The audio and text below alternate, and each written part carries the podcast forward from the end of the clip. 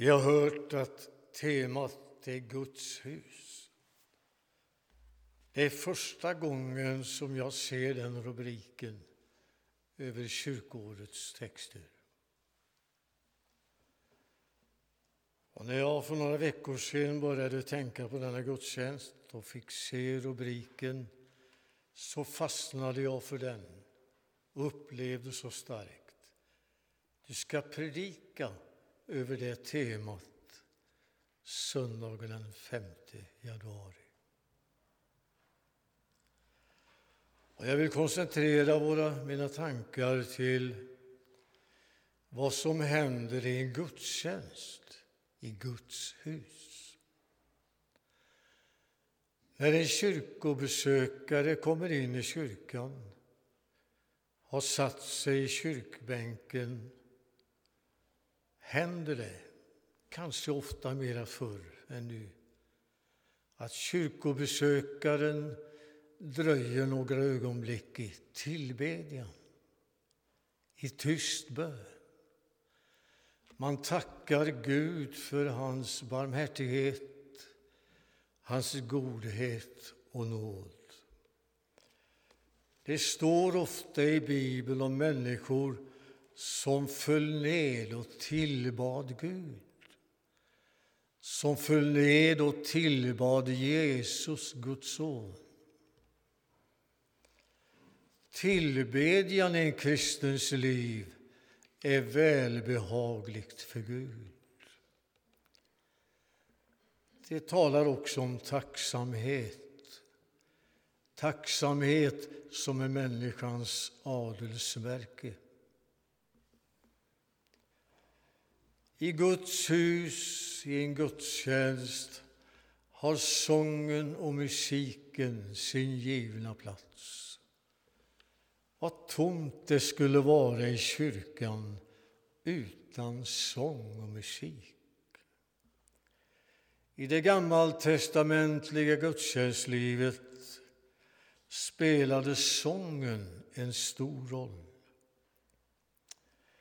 Genom kung David fick den kristna sången sitt genombrott.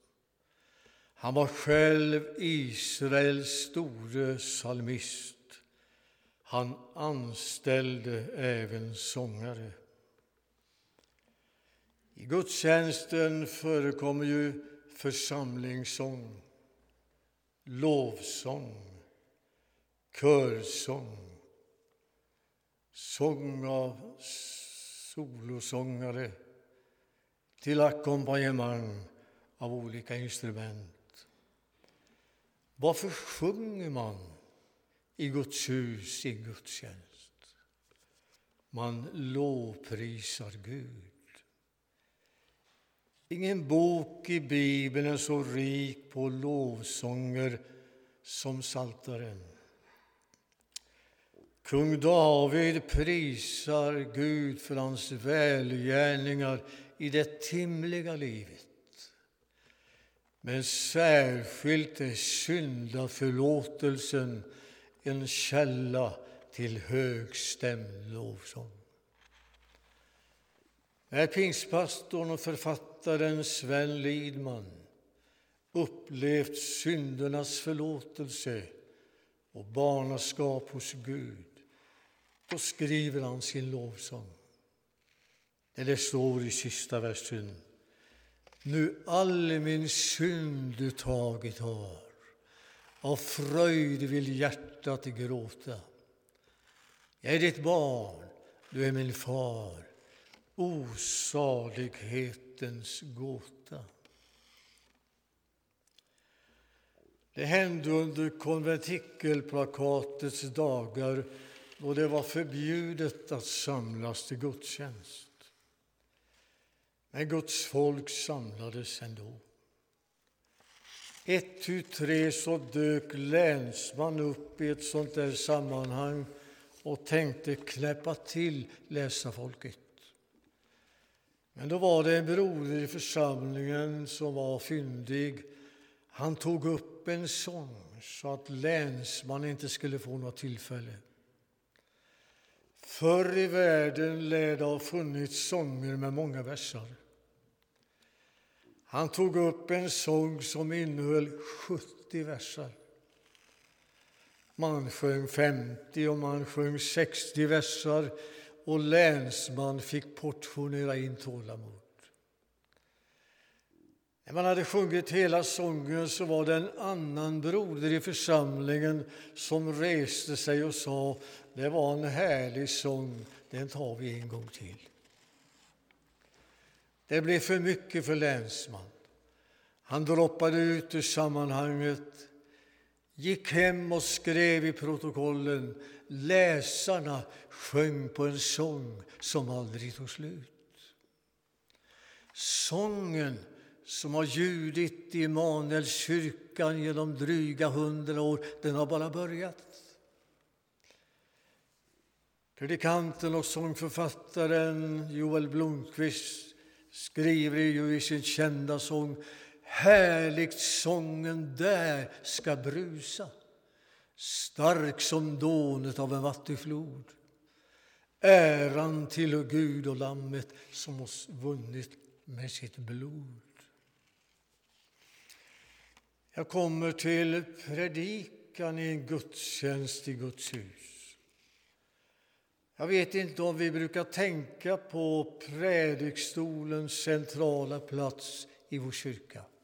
Denna vackra predikstol.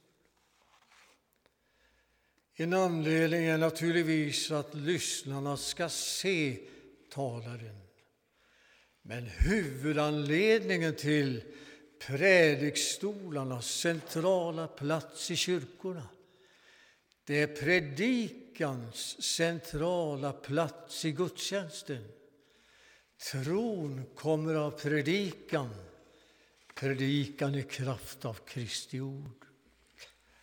Det var många genom tiderna som har kommit i tro genom ordets predikan.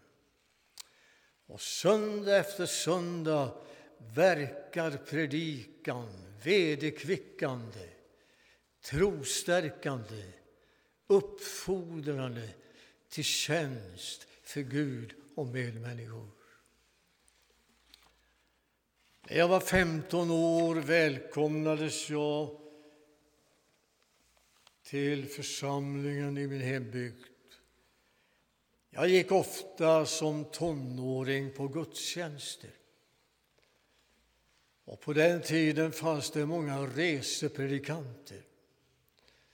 Och ni som är seniorer, ni minns resepredikanterna i Västergötlands missionsförening. Jag minns särskilt en resepredikant från Evangeliska Fosterlandsstiftelsen som kom hem till Svanvik. Han hette Arvid Söderberg. Han var så liten till växten att han stod alltid på en pall när han predikade. Och den där pallen hade han med sig på sina predikoresor. En söndag förmiddag läste han texten En liten tid och i sen mig icke mer. När han hade läst de orden så ramlade han av pallen och försvann bakom predikstolen.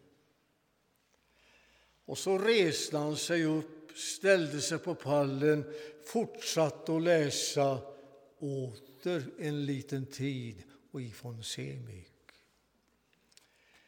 Jag snappar alltid upp det som har en humoristisk karaktär, för jag tycker så mycket om humor. Ett annat viktigt moment i gudstjänsten det är offerinsamlingen, kollekten. I vår församling är det så att det kommer in pengar också på andra områden. Kyrkan hyrs ut till adventisterna, till Syrianska församlingen. Församlingsvåningen hyrs ut till kommunen, andra organisationer och föreningar. Några av våra medlemmar ställer upp och ordnar med smörgåsar och kaffe och annat och det ger en extra inkomst till församlingen. Så vet vi ju att Det kommer också in parkeringsavgifter. Jag vill lyckönska dig, du som är en generös givare. Det ingår i vår kallelse till Guds verk att ge det vi kan. Tre citat. Att giva är innerst detsamma som att få. Ägandet börjar med givandet. Endast den som ger äger något. Så Guds ord. Den som så rikligt skall skörda riklig välsignelse. Guds välsignelse vilar över dig, du som är generös i ditt givande. Det fanns för länge sedan en kolportör i Värmlands Ansgariförening som hette Utter. En färgstark folktalare. Han var dessutom en stor humorist. Han kunde också hålla kollekttal. Utter var kallad till en missionsförsamling i östra Värmland en söndag eftermiddag till en offerhögtid. Missionskyrkan skulle rustas upp. Man skulle göra ett krafttag och göra en offerinsamling till byggnadskassan. När Luther hade predikat höll han sitt kollekttal. Under det att han håller sitt kollekttal från predikstolen lossar en kaka i taket och far i huvudet på en storbonde. Och bonden tänkte nu går det för långt. Han tog upp en extra stor sedel och skulle ge. Den där extra stora sedeln den såg Gutter så han sa halvhögt från predikstolen så att det hördes över hela kyrkan Käre Gud, ge en, en smäll till. Det ser inte ut som om Skövde missionsförsamling skulle behöva några extra smällar. Vi har en god ekonomi och det är ett stort tacksägelseämne. När jag är ute i landet och predikar i andra församlingar så märker jag i en del församlingar har man en väldig kamp med ekonomin. Men vår kassör han ser ut att andas lugnt. Han verkar så förnöjd, vår gode, begåvade kassör. Jag kommer till något mycket, mycket viktigt i Guds hus, nämligen bönen. Och då säger Herren i Gamla testamentet mitt hus ska kallas ett bönehus.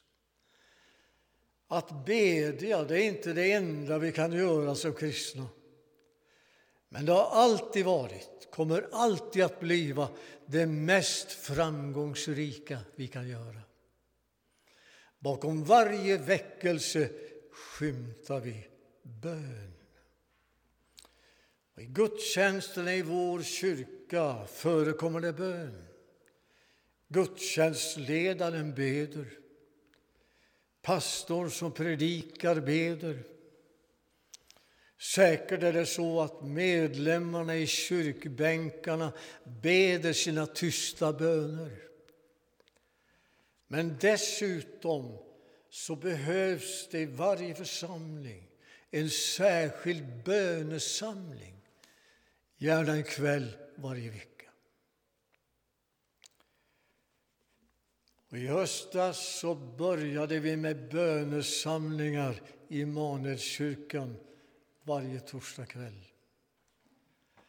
Första kvällen kom det elva stycken och det tyckte jag var hoppfullt. För det har aldrig varit lätt i någon församling att samlas till bön. Det är mycket lättare att samla folk till en konsert.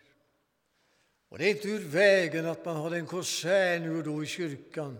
Det är ett bra komplement till övrig verksamhet. Men det är långt, långt viktigare att det finns en bönesamling en kväll varje vecka. Det har skiftat med deltagare under hösten.